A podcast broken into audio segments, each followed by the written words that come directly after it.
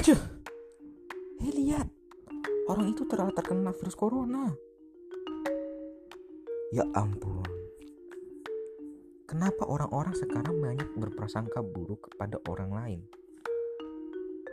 Memang betul, virus corona telah tersebar di Indonesia. Tapi, cobalah kita mengubah pikiran kita. Jangan berprasangka buruk kepada orang lain. Mereka takut untuk mendekati orang tersebut. Bahkan, dampak dari virus ini bukan hanya sekedar itu. Bisa berdampak untuk seluruh Indonesia jika ada orang yang membeli kebutuhan yang banyak sekali untuk mereka sendiri, bagaimana dengan orang-orang lain yang juga membutuhkan kebutuhan itu?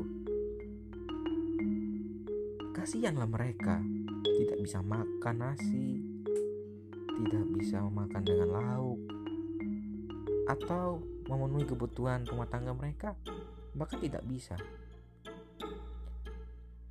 Sekarang saya akan bahas apa saja dampak-dampak yang diberikan oleh virus COVID-19 ini.